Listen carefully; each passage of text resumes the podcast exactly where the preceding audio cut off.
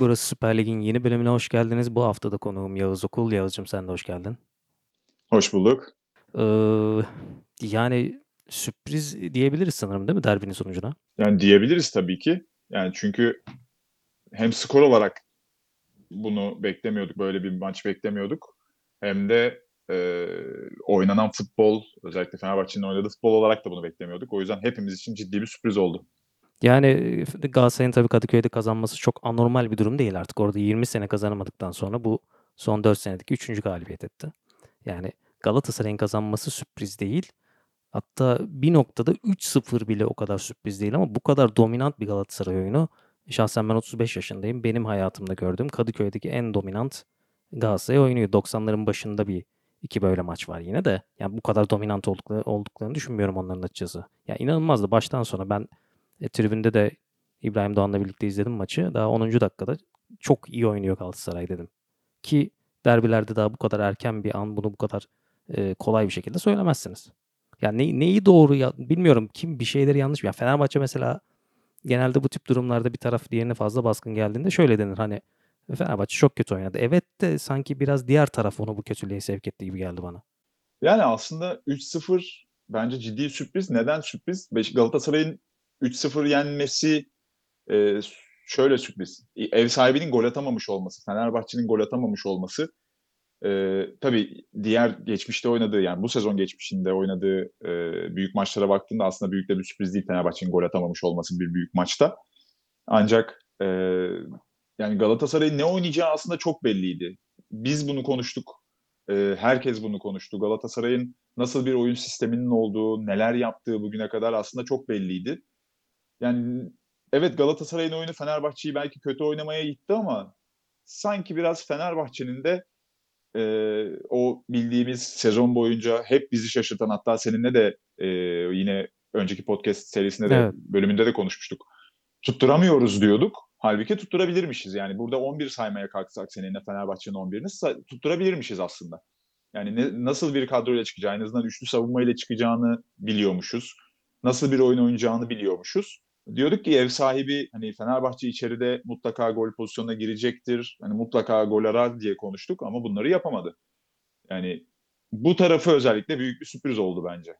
Ben bugüne kadar Jorge Jesus'u hep savundum. Ee, ilk defa eleştirilir buldum.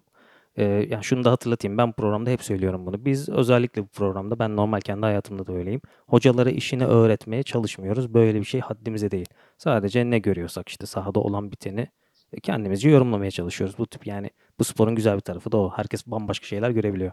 Yani daha 10. dakikada işte yanımda İbrahim'e Galatasaray çok iyi dediğimde ben Arda bir noktadan sonra işte Arda Güler'in mesela sonunda artık Galatasaray'ın o blokları çok sıkıştırmasından dolayı orada kıvrak bir ayak olarak ve pas yeteneği de yüksek bir oyuncu olarak bir fark yaratabileceğini düşünüyordum mesela ve ikinci yarının başında oyuna girebileceğini düşünüyordum. Böyle olmadı.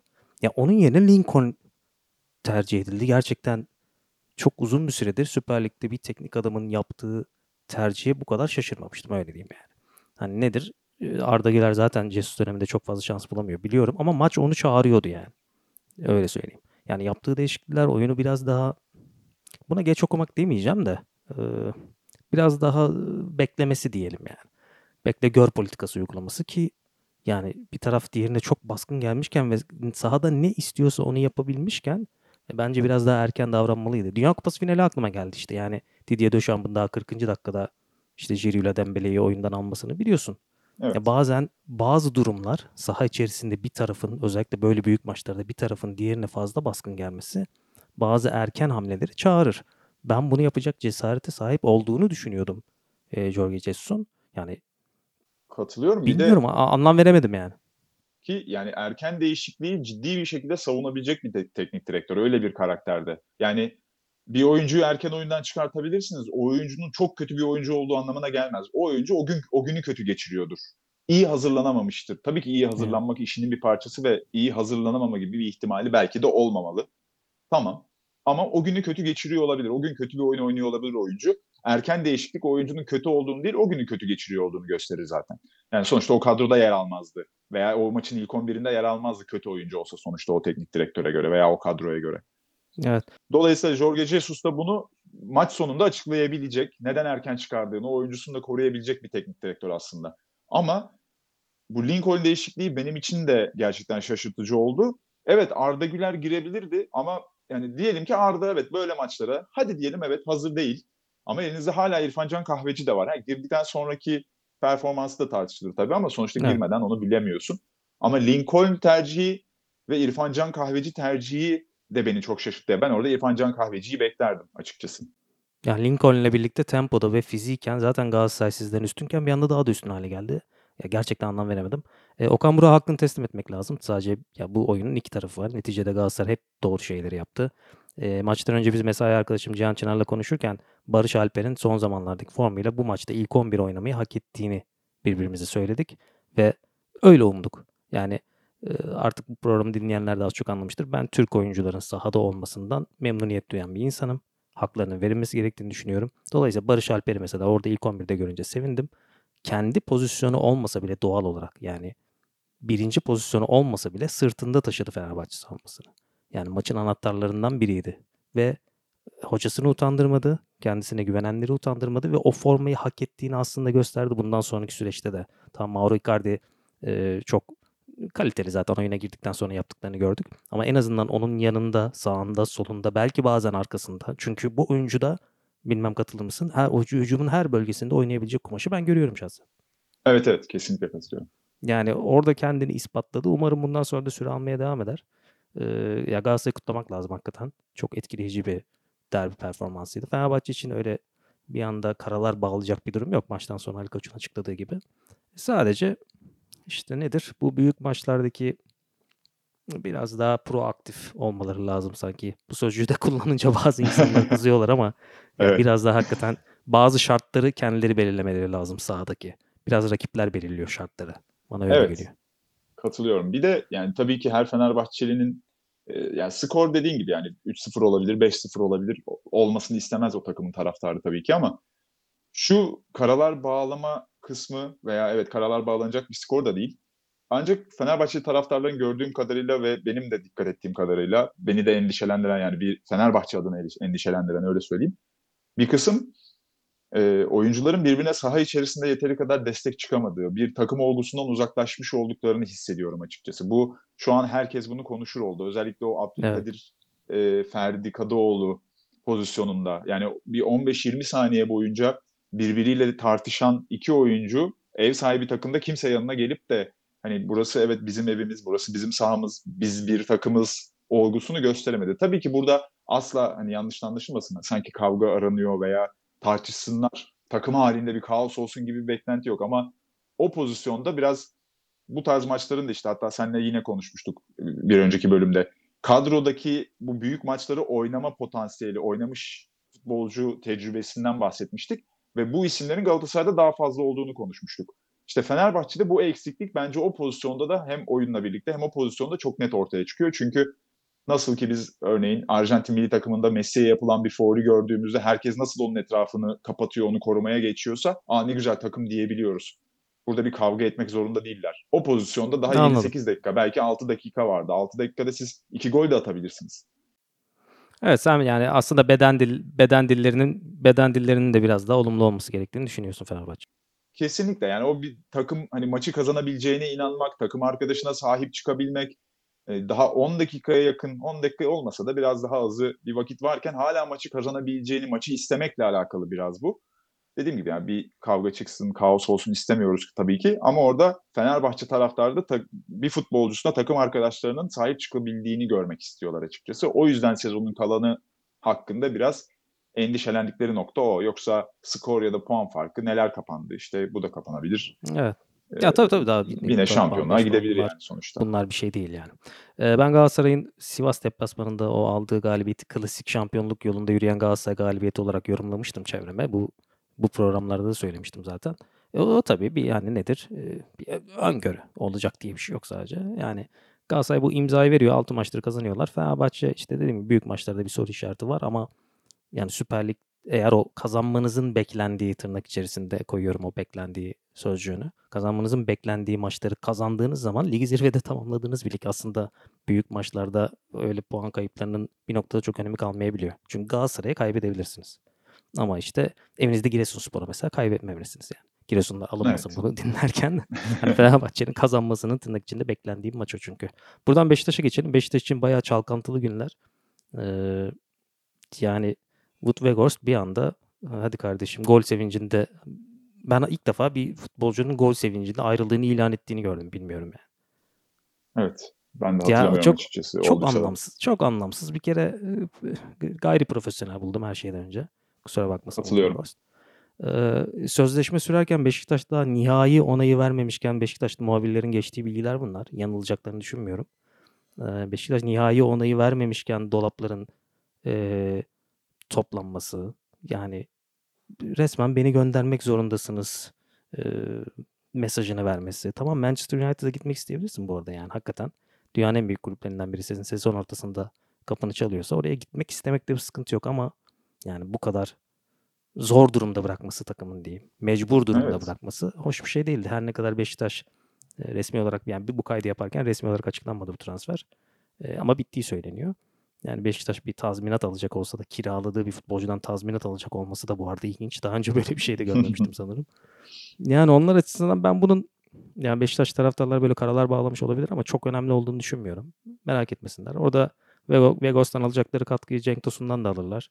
Yani ben sana bu bakar gelecek mi bilmiyorum. E, Muleka'dan da alırlar. İkisi bir arada. Ya orada o Cenk e, o boşluğu bir kere her şeyden önce bir 9 numara olarak doldurur. Yeter ki sağlıklı kalsın. Yani Bel- belki de yanına- dediğin gibi Muleka'yı belki de gerçekten gerçek mevkisinde artık Belki hani nedir bazı şeyler böyle her işte her şerde bir hayır vardır derler ya bazı be- belki Muleka için yeniden bir geçen seneki o ikinci yarıda yaptıklarını benzer şekilde katkı yapma şansı doğar. Yani Beşiktaş taraftarların karalar bağlamasına gerek yok. Evet. Yani kağıt üzerinde en önemli oyuncuları gitti ama bütün oyununu oluşturan oyuncu değil neticede. Ve yani her ayrılık illa bir transferle çözülmez. Yani dediğin gibi içeriden bunu çözebilecek oyunculara da sahip Beşiktaş. Tabii ki yani Abu Bakar gelirse farklı bir oyun da çıkabilir Beşiktaş'tan. Kadro kalitesi de çünkü bunu yansıtabilecek o e, hareketliliğe eş yani nasıl Tabii. diyeyim uyum sağlayabilecek bir oyuncu aslında. O yüzden gelse de olur, gelmese de içeriden çözülebilir. Ama dediğim gibi yani biraz profesyonellik dışı ama son dönemde biliyoruz yani son yıllarda artık oyuncuların elleri çok güçlendi. Yani şunu çok rahat söyleyebiliyor. Benden 6 ay boyunca performans alamazsın beni göndermezseni. Ben gittim diyerek gösteriyor işte futbolcu bu şekilde. Hani elleri çok güçlendi artık. Şimdi ben bunu hep söylüyorum. Ben bunu hep söylüyorum. Özellikle biz yabancı oyuncuları böyle inanılmaz tırnak içerisinde ilah muamelesi yaptığımız için onları böyle sürekli getirip milyon eurolarla anladın mı? Biraz tepemize çıkardığımız için bazıları tepemize tepiniyorlar maalesef. Yani ben bunu artık söylemek istiyorum. Yaptığı şey inanılmaz derecede gayri profesyonel bence. Beşiktaş taraftarların karalar bağlamasına gerek yok. Bir kez daha söylüyorum. Ee, teknik direktörleri tecrübeli. Zaten hücum oyuncularından verim almayı bilen bir teknik direktör Şenol Güneş. Beşiktaş büyük bir kulüp. Yani öyle Vegors gitti, şu gitti, bu gitti. Yani bu takımdan daha önce kimler kimler gitmedi yani. Anlatabiliyor muyum? Dolayısıyla öyle panik yapmalarını gerektirecek bir durum yok. Beşiktaş sadece zorlu bir viraja giriyor, fikstüre giriyor. Oradan maksimum kazançla çıkmak zorunda eğer bu şampiyonluk yarışında tutunmak istiyorsa. Buradan Trabzonspor'a geçmek istiyorum yine hızlıca. Onlar için hakikaten yani kötü bir durum. Bir anda Trabzonspor ah düzeldi mi derken yani inanılmaz deplasman sonuçları almaya başladılar. Alanya Spor'a 5-0 gibi ağır bir e, skorla kaybetmek. Yani Trabzonspor hakkında ne desem bilmiyorum. Düzelecek bir durum var. Bana, bana düzelecek gibi gelmiyor Yani çünkü. bu haftaki maç işte yani oraya zaten geçeriz ama bu hafta sanki onların artık e, reaksiyon veriyorlar mı vermiyorlar mı haftası olacak. Yani hatırladığım kadarıyla Trabzonspor'un son deplasman galibiyeti Ekim ayında. Yani Ekim ayından beri deplasman galibiyeti. Tabii arada şey var. Hani Dünya Kupası da var ama yani dördüncü maçı galiba. Şimdi iç sahada çok iyiler. İç sahada çok iyiler. Tamam güzel. Kaç? 30 küsur artık. En son ne zaman kaybettiler ben hatırlamıyorum bile. 32 ya da 33 olması Yani- lazım. Öyle olması lazım. Bir, bir yandan şimdi Başakşehir ile İstanbulspor'la oynayacaklar. İstanbulspor evet kağıt üzerinde zayıf takım ama Başakşehir mesela şampiyonluğu oynayan takımlardan biri. Yani ardından mesela Hatayspor evet Hatayspor da problemler yaşıyor. Hatayspor deplasmanında Trabzonspor ne yapacak, nasıl bir görüntü ortaya koyacak hiç bilmiyoruz. Çok ciddi bir deplasman problemi oluştu orada. Yani ondan sonra Galatasaray deplasmanına gidilecek zaten yani Galatasaray deplasmanı. Yani onların şu an e, şansı Trabzonspor'un şu an yani Süper Lig'de önlerindeki 6 maçın Eee, hatta önlerindeki 7 maçın 5'ini iç Evet. sahada oynayacak Ama bir de şöyle bir dezavantaj da var tabii. Öyle, Yani bu bir saydığım şans takımlardan 3 tanesi Hatayspor, Antalyaspor da var arada tabii. İstanbulspor. Bunlar düşme adayları şu anda. Yani düşme hattına yakın ve oralarda gezinen takımlar. Ve ligin ikinci dönemine doğru gelmeye başladık artık. Hani Evet Mart Nisan geldikçe bir de ka- o evet Mart Nisan geldikçe o kağıt üzerinde zayıf dediğimiz e, takımların bir anda kaybedecek şeyi çok artıyor ve savaşçı kimlikleri biliniyorlar. O da evet zorlaştırıyor doğru bir noktaya parmak bastın. Ya bilmiyorum Trabzonspor için e, kayıp bir sezon gibi görünüyor. yani bu hafta Yani- evet. Zirveye çıkmak bir şey, orada kalmak ikinci bir şey hakikaten yani orada kalmak çok zor. Yani ben bunu biraz da çok fazla transfer yapılmasına bağlıyorum. Sadece Trabzonspor için geçerli değil bu yani. O tepeye yükselen takımlar "Ay, Şampiyonlar Ligi'nde mücadele edeceğiz ya da işte Avrupa'da mücadele edeceğiz. Şunu alalım, bunu alalım derken bence e, takım kimyalarını biraz yaralıyorlar. Ee, hemen haftanın maçlarına geçelim mi? Tabii tabii tabii. Şöyle hızlıca onlara dair tahminlerimizi yapalım. Ee, Kayseri Spor Sivas Spor maçıyla açıyoruz Cuma akşamı 19'da. Ne diyorsun maça? Ee, geçen hafta Kayseri Spor'a e, yani güvenmiştik aslında seninle konuşurken. Ee, daha doğrusu pardon Ya, Ankara gücü Kayseri Yo, Spor'a Ankara. konuşmuştuk ama Ankara gücüne Ankara biraz güvenmiştik. Tabii. Şimdi Orada Ankara gücü beni yanıltma. Kayseri Spor'un da evet hani Ankara gücünü konuşup hatta e, son saniyede şeyimizi değiştirmiştik seninle. Ee, Tabii, tahminimizi. Bu tabii hafta- ikna oldum ben Evet. biliyorsun. Evet. Şimdi bu haftaki maç açıkçası yani çok da seçemiyorum arada ama biraz ortada bir maç gibi geliyor bana. Bir beraberlik bekliyorum ben orada. Yani Sivas Spor'un da çünkü çok iç açıcı bir e, serisi var diyemem. Dolayısıyla bir beraberlik bekliyorum. E tabi onlar o Galatasaray mağlubiyeti evet Galatasaray mağlubiyeti biraz morallerini bozdu. Daha sonra Konyaspor deplasmanı zor bir deplasman. Orada iki kere geriye düşüp 2-2 berabere kaldılar. Bir puan aldılar. Ee, Kayseri 3 maçtır kaybediyor. Benim için bu maç Kayseri adına bence dönüş maçı. 3 puan alacaklarını düşünüyorum ben bugün. Ee, evet bu kaydı bu arada. Cuma yapıyoruz. Onu da belirtmiş olalım. Cuma akşamının diğer maçına geçelim. Galatasaray Hatayspor. Ya seri 7'ye çıkar gibi. Yani serinin 7'ye çıkmaması çok büyük bir sürpriz olur bu akşam. Ben de katılıyorum. Yani Galatasaray'ın biraz yani zorlansa bile kazanacağını düşünüyorum. En azından savunmasını sağlam tutacak, gol yemek istemeyecek erkenden e, biraz kontrollü olsa da e, maçı tutacağını yani maçı kazanacağını da düşünüyorum açıkçası tabii ki. Belki bir derbi sonrası rehaveti bazen Süper Lig'de olur biliyorsun. Büyük takımlar böyle etkileyici derbi galibiyetleri aldıktan sonra bir en azından oyun olarak bocalayabiliyorlar. Okan Buruk da bu arada bu maçı kazanırsa Galatasaray'ın başında 8 ve üstü galibiyet serisi yakalayan dördüncü teknik adam olacak. Ee, bu isimlerin arasında Mustafa Denizli ve Fatih Terim var. Bir de Reiner Holman var tabii ama yani Mustafa Denizli ve Fatih Terim'den sonra Galatasaray'ın başında 8 ve üzeri galibiyet serisi yakalan, yakalayan ilk yerli teknik direktör olacak. O yüzden onun için de bir e, dönüm noktası ya da nasıl diyeyim bir checkpoint diyebiliriz yani. Önemli. Okan Buruk rahatladı bu arada yani o derbi galibiyeti kişisel olarak Okan Buruk'u özellikle bu sezon açısından rahatlatmıştır. Takımını artık biraz daha kendi açısından daha az stresle, daha az ne denir baskıyla yönetecektir diye düşünüyorum. Katılıyorum. Çok ciddi bir fikstürden çıktılar. Ee, dolayısıyla yani bence de hem kendini kabul ettirme aşamasında da açısından da bence e, önemli bir maçtı derbi. Şu an Galatasaray taraftarlarının bir kısmı bugüne gelene kadar biraz soru işaretleri vardı diyelim. E, hala da konuşuyorlardı ama derbi galibiyeti bir anda herkesine genius demeye başladılar. İşte dahi bir teknik direktör demeye başladılar Okan Buruk için. O yüzden onun için de ciddi bir özgüven kazancı olacaktır. Cumartesi 13.30 Antalya Spor, Giresunspor. Yani geçen hafta Giresunspor e, üzerine konuşmuştuk Ümraniye Spor maçında. Giresunspor'a güvenmiştik ama gerçekten çok şaşırttı beni o maç. E, Ümraniye Spor'dan bu galibiyeti beklemiyordum. Daha doğrusu Giresunspor'dan bu mağlubiyeti beklemiyordum. Dolayısıyla bu maç e, Antalya Spor'un artık Evet. Mutlaka kazanması gereken iki takım denir ya. Bu maç hakikaten öyle. Mutlaka kazanması gereken. kesinlikle öyle ve burada bence tecrübe farkıyla Antalya Spor'un biraz ağır basacağını düşünüyorum. Evet, ben Hem de- sahada olmasından Ben de bu 3 puana çok acil ihtiyaç duyan iki takımdan Antalya Spor'un 3 puanı al- alan taraf olacağını düşünüyorum. Ee, gelelim Adana Demirspor Ankara Gücü maçına. Yani Adana Adana Demirspor Başakşehir karşısında fena bir görüntü sergilemedi ama yani Başakşehir deplasmanı zaten zor bir deplasman. Orada kaybettiler. Evet. Adana Demirspor da iç sahada iyi futbol oynayan, kolay kolay maç kaybetmeyen bir takım. Ee, Ankara Gücü'nü ben son haftalarda beğeniyorum. Son 5 maçta 3 galibiyet, 2 mağlubiyetleri var. Her birinde iyi oynadıklarını düşünüyorum. Yani burada Adana Demirspor'a sorun çıkaracaklardır deyip bir beraberlik bekliyorum burada. Ben açıkçası Adana Demirspor'un biraz rahat kazanacağını düşünüyorum. Yani Adana Demirspor'un iç, iyi. iç sahada yani evet Ankara gücü geçen hafta da hatta Ankara gücü üzerine de yine konuştuk. Adana Demirspor'un iç saha performansı burada bence ağır basacak. Taraftarıyla birlikte e, iç sahada olmanın avantajı e, Adana Demir, Demirspor tarafında ciddi bir fark yaratacak diye düşünüyorum. Evet Ankara gücü de tecrübeli bir takım ve dediğin gibi iyi de bir seriden çıkıyorlar. Yani seriden kastım e, galibiyet ya son alıyorlar. 5 maçlık Aynen. futbolları özellikle. Evet. Futbolun gelişimi hem te- kadronun tecrübesi üzerine ama Adana Demirspor'un ben e, bu maçta hata yapmayacağını düşünüyorum. Burada işte Samet Akaydın'ın gidişi vesaire ne olur diye bir düşüncem var. Hani ama yine yine de Adana Demirspor'un hücum hattıyla maçı kazanacağını düşünüyorum en azından. Okey. bir- Ayrıştık bakalım. Ee, sonrasında evet Beşiktaş zor bir deplasmana çıkacak. Konyaspor deplasmanına. Ee, Vegors'ta artık yok dediğimiz gibi. Ee, orada farklı bir ileri uçta farklı bir deneme göreceğiz. Bakalım yani muhtemelen Cenk oynayacak ileri uçta. Mulek oynayacak mı oynamayacak mı bakacağız. Hani orada Redmond mu oynayacak solunda Enkudu. Cenk orada tek başına 9 mu kalacak? Böyle sorular var.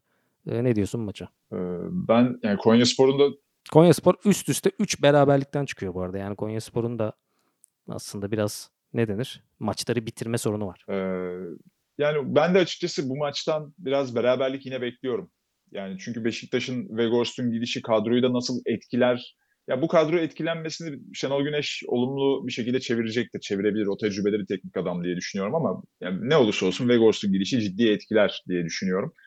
Ee, Beşiktaş için de zor bir maç. Konyaspor'un o son dönemdeki e, çalkantılı daha doğrusu istikrarsız gidişatı, galibiyetten uzak gidişatı da etkili olacak bu maçın skoruna. Üstünlükleri yakalıyorlar ve evet bitiremiyorlar yani maçları. Konyaspor'un böyle bir problemi var. Konyaspor son 4 resmi maçında e, kaç gol yediler toplam? 9 gol yediler yani. Yani o dolayısıyla şimdi Beşiktaş burada mutlaka gol atar elbette ama bir yandan da hani Beşiktaş için zor bir deplasman. Bilmiyorum kararsız olduğum maçlardan biri bana da beraberlik gibi geliyor bu arada.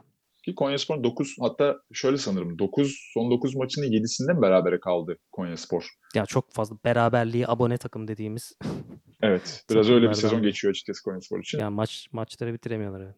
Ben bir, bir beraberlik daha yazıyorum ben Konyaspor'a bugün. E, Bana bana da öyle geldi şu an. Bir beraberlik de buradan çıkar gibi geldi. Trabzonspor Başakşehir haftanın maçı. Ee, ben Başakşehir'in kazanacağını düşünüyorum.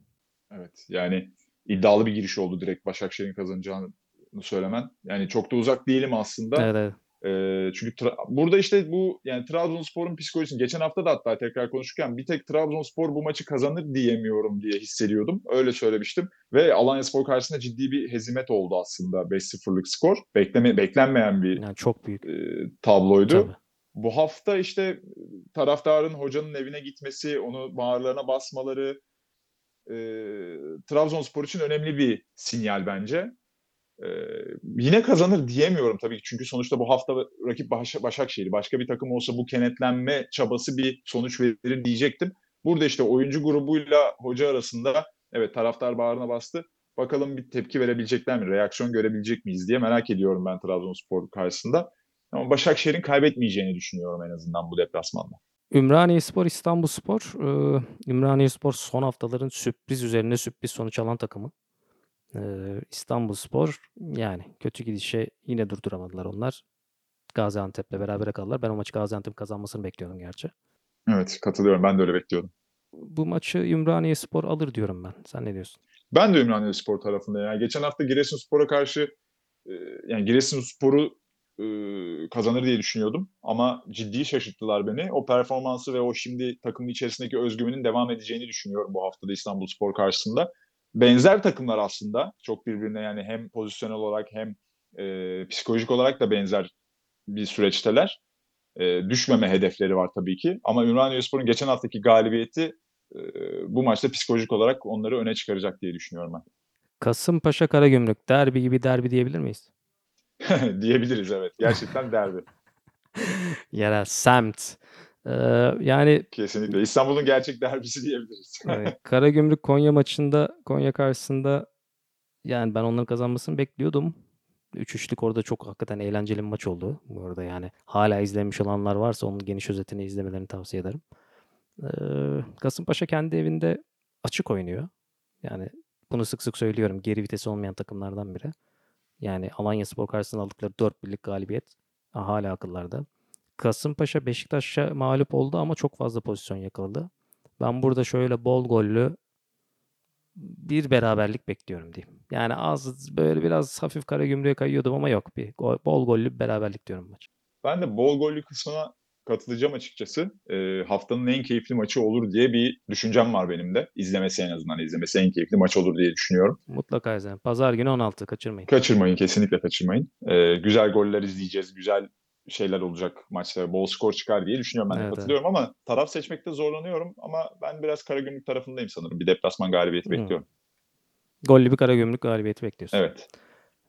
Ee, haftanın son maçında da pazar akşamı Gaziantep Fenerbahçe. Yani Gaziantep FK zor bir deplasman. Erol Bulut'un takımı kendi evinde mücadeleci oynuyor ama yani Fenerbahçe için nedir bu artık cevap verme maçı olduğu için ben Fenerbahçe'nin maçı kazanacağını düşünüyorum.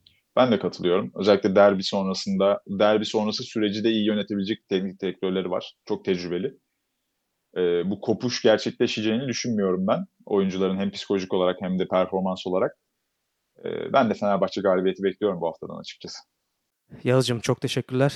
Ee, burası Süper Lig'in. Ya burada her şey gerçek diyenlerin programının bir bölümünün daha sonuna geldik. Gerçekten konuştukça her şey gerçek oluyor Süper. Evet, Tamam. Yani keyifli bir, ilginç bir derbinin ardından. Yani ne de Fenerbahçe Galatasaray maçlarının sıkıcı geçmesinden söz ediliyordu ya yıllardır. Evet evet. Ya bu maç sıkıcı geçmedi. Evet Okey, senin Fenerbahçeliler endişen- açısından evet benim endişem gerçekleşmedi. vardı. Evet yani Fenerbahçeliler açısından elbette sonuç kötü oldu ama bir yani tarafsız futbol sever olarak baktığınız zaman e, sıkıcı bir maç değildi. Ben tribünde izlerken gayet keyif aldım. Ee, bakalım bu hafta da kritik maçlar var. Özellikle Beşiktaş açısından bence artık yani asla puan kaybına tahammül olmadıkları haftalara girdiler. Beraberlik tahmini yaptım ama Beşiktaş'ın mutlaka kazanması gerekiyor diyeyim. Kapanışı yapayım. Maçkolik'in podcast kanallarına, YouTube kanalına abone olmayı unutmayın. Bu podcast yayınını Maçkolik'te Süper Lig'deki bu haftanın maç sayfalarında görebileceksiniz ayrıca. Bunu da unutmayın. Hepinize teşekkürler. Görüşmek üzere. Görüşmek üzere.